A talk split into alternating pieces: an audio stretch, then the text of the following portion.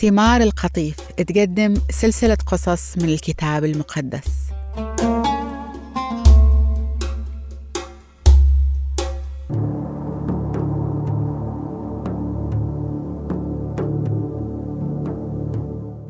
وهو بعد هو ما يخلص صلاته ما شاف إلا رفقة جاية وحاملة جرتها على كتفها. ورفقة تصير بنت بتوئيل ولد ملكة زوجة ناحور أخو إبراهيم. وكانت البنية مرة جميلة. وعذرا ما لمسها رجال. ونزلت عند العين وعبت جرتها ماي وبعدين قامت وهو راح يركض وراها وقال لها عاد أعطيني أشرب شوية ماي من جرتش ورفقة قالت له تفضل اشرب بالعافية. وراحت تسرع ونزلت جرتها من إيدها وعطتها يشرب.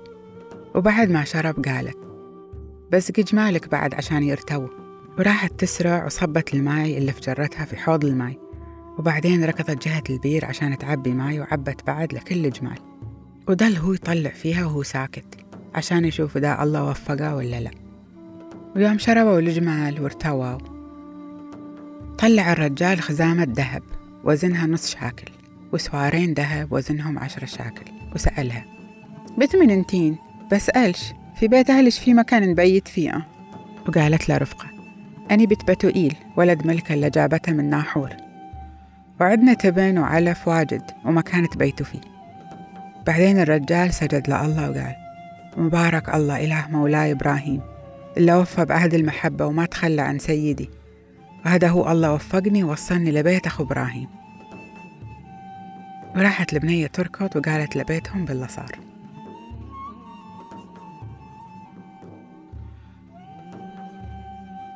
وكان عند رفقة أخو اسمه لابان. وقام راح يسرع عند العين يوم سمع كلامها. عن الرجال. وشافها لابسة الخزامة وشاف السوارين على إيدها. وقام راح يسرع عند العين عشان يشوف الرجال. وشافه واقف عند الجمال عند العين وقال له تفضل ادخل أنت شخص الله مباركنا. ليه واقف برا.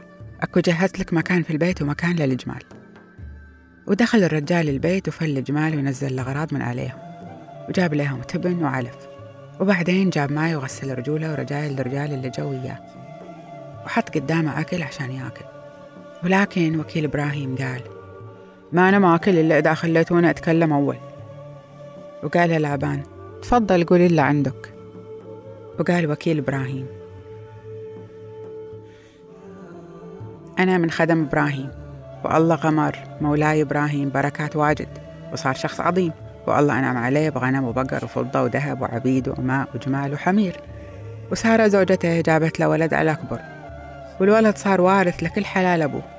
ومولاي إبراهيم حلفني وقال لا تأخذ لولدي بنت من بنات الكنعانيين إلا أنا ساكن في أرضهم ولكن خذ له واحدة من أهلي وناسي وتصير زوجة لولدي. وقلت له يمكن البنية ما ترد تجياي إلى هالأرض. وجاوبني وقال الرب اللي أتبعه هو بيرسل ملاك إياك ووفق في المهمة. إنك تاخذ لولدي زوجة من نسايبي ومن عائلة بيت أبوي. فإذا رحت عند عائلة بيت أبوي ورفضوا إنهم يعطوك البنية لا تشيل هم هالحلفة اللي حلفته واليوم أقبلت عند العين وقلت يا رب يا إله سيدي ومولاي إبراهيم يا رب وفق جهدي اللي عشان بديت هالرحلة. وبعدين رحت وقفت عند بير الماي وقلت البت اللي بتجي تعبي ماي من البير وأنا بطلب منها إنها تعطيني ماي وبتقول لي خذ اشرب ماي وأنا بسقي جمالك بعد. بتكون هي البت اللي خصصها الله لولد مولاي إبراهيم. وأنا بعدني ما أخلص جملتي إلا قلتها بيني وبين نفسي ولا هذيها رفقة جت وحاملة جرة على كتفها وراحت عند العين وعبت ماي وقلت لها عاد أعطيني ماي أشرب وقامت بسرعة نزلت جرتها وقالت تفضل خذ اشرب ماي وهذاني بسقي جمالك بعد. وأنا أخذت وشربت ماي وهي سقت جمالي وهم بعد شربوا. وبعدين سألتها بت من أنتين؟ وقالت أني بت بتوئيل ولد ناحور اللي جابته له ملكة. قمت حطيت خزامة في خشمها وسوارين في إيدها. وقمت أنا سجدت وباركت الله إله إبراهيم اللي وفقني وهداني للطريق الصحيح ووصلني لبنت أخو مولاي إبراهيم عشان أخذها لولد إسحاق. والحين يا بتصيروا زينين ياي وفيين لسيدي ومولاي. يلا قولوا لي من الحين. ودا لا تقولوا لي بعد عشان أعرف أروح يمين ولا شمال. وقال بتوئيل هالموضوع الله مقدرنا ولا نقدر بعد نقول لك لا خير ولا شر. هديها رفقة قدامك تاخدها وروح. وبعدين قال لابان وهديها بتصير لولد وليك زي ما الله مقدر وكاتب. ويوم سمع عبد إبراهيم كلامهم إلا هو قام وخر على الأرض وسجد لإلهه وطلع جواهر وذهب وفضة وثياب وأعطاهم برفقة وأعطى بعد أخوها وأمها مجوهرات ثمينة. وأكل وشرب هو ولا وياه. وناموا وعدهم هذيك الليلة. يوم قعدوا الصباح قال وكيل إبراهيم أستأذنكم أنا تخلوني أروح لمولاي. وقالت أم رفقة وأخوها لابان خلي البنية تقعد ويانا عشرة أيام ولا كم يوم وبعدين نروح بها. وقال ليهم وكيل إبراهيم لا توقفوا في طريقي والله موفق تعبتي تخلوني أرجع لمولاي له وقالت أمها بنعيط على البنية وبنسألها وش رايها؟ وعيطوا عليه وقام لابان سأل رفقة تبغى تروحي يا الرجالة وردت عليه رفقة وقالت إي بروح. وبعدين خلوا رفقة أختهم تروح.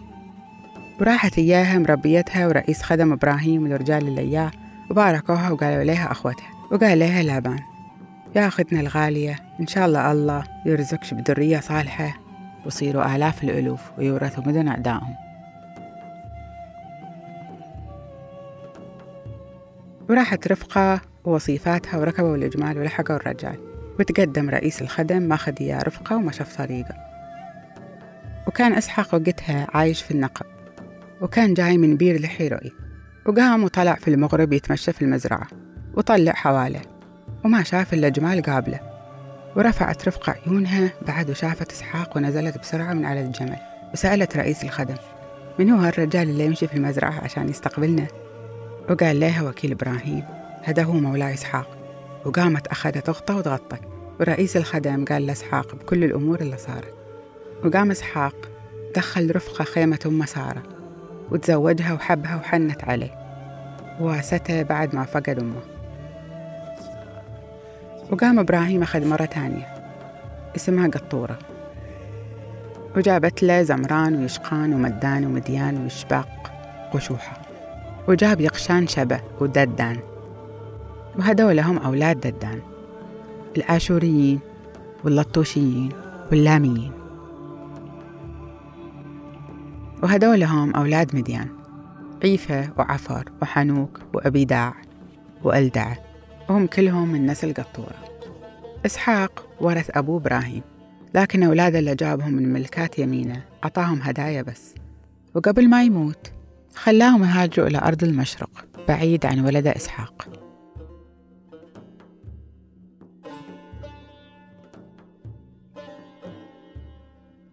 وعاش إبراهيم 175 سنة وهذه الأيام اللي عاشها وتنفس أنفاسه الأخيرة وراح هي اللي راحوا من أجداده.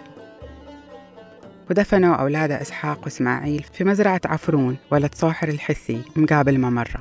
وهي نفسها المزرعة اللي اشتراها إبراهيم من عند بني حيث. وفيها اندفن إبراهيم وزوجته سارة. وبعد وفاة إبراهيم بارك الله ولده إسحاق وعاش إسحاق عند بير لحي رؤي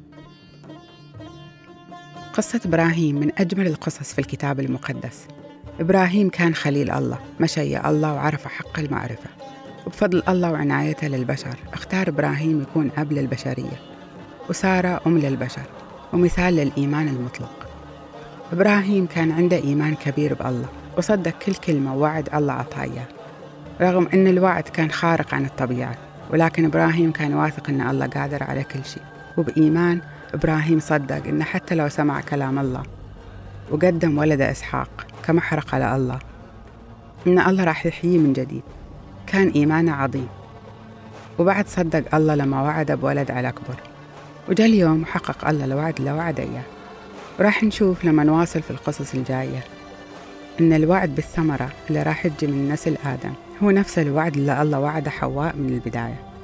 كملوا اسمعوا القصص الجاية. وراح تعرفوا كيف الله حقق هالوعد وعن طريق من تحقق.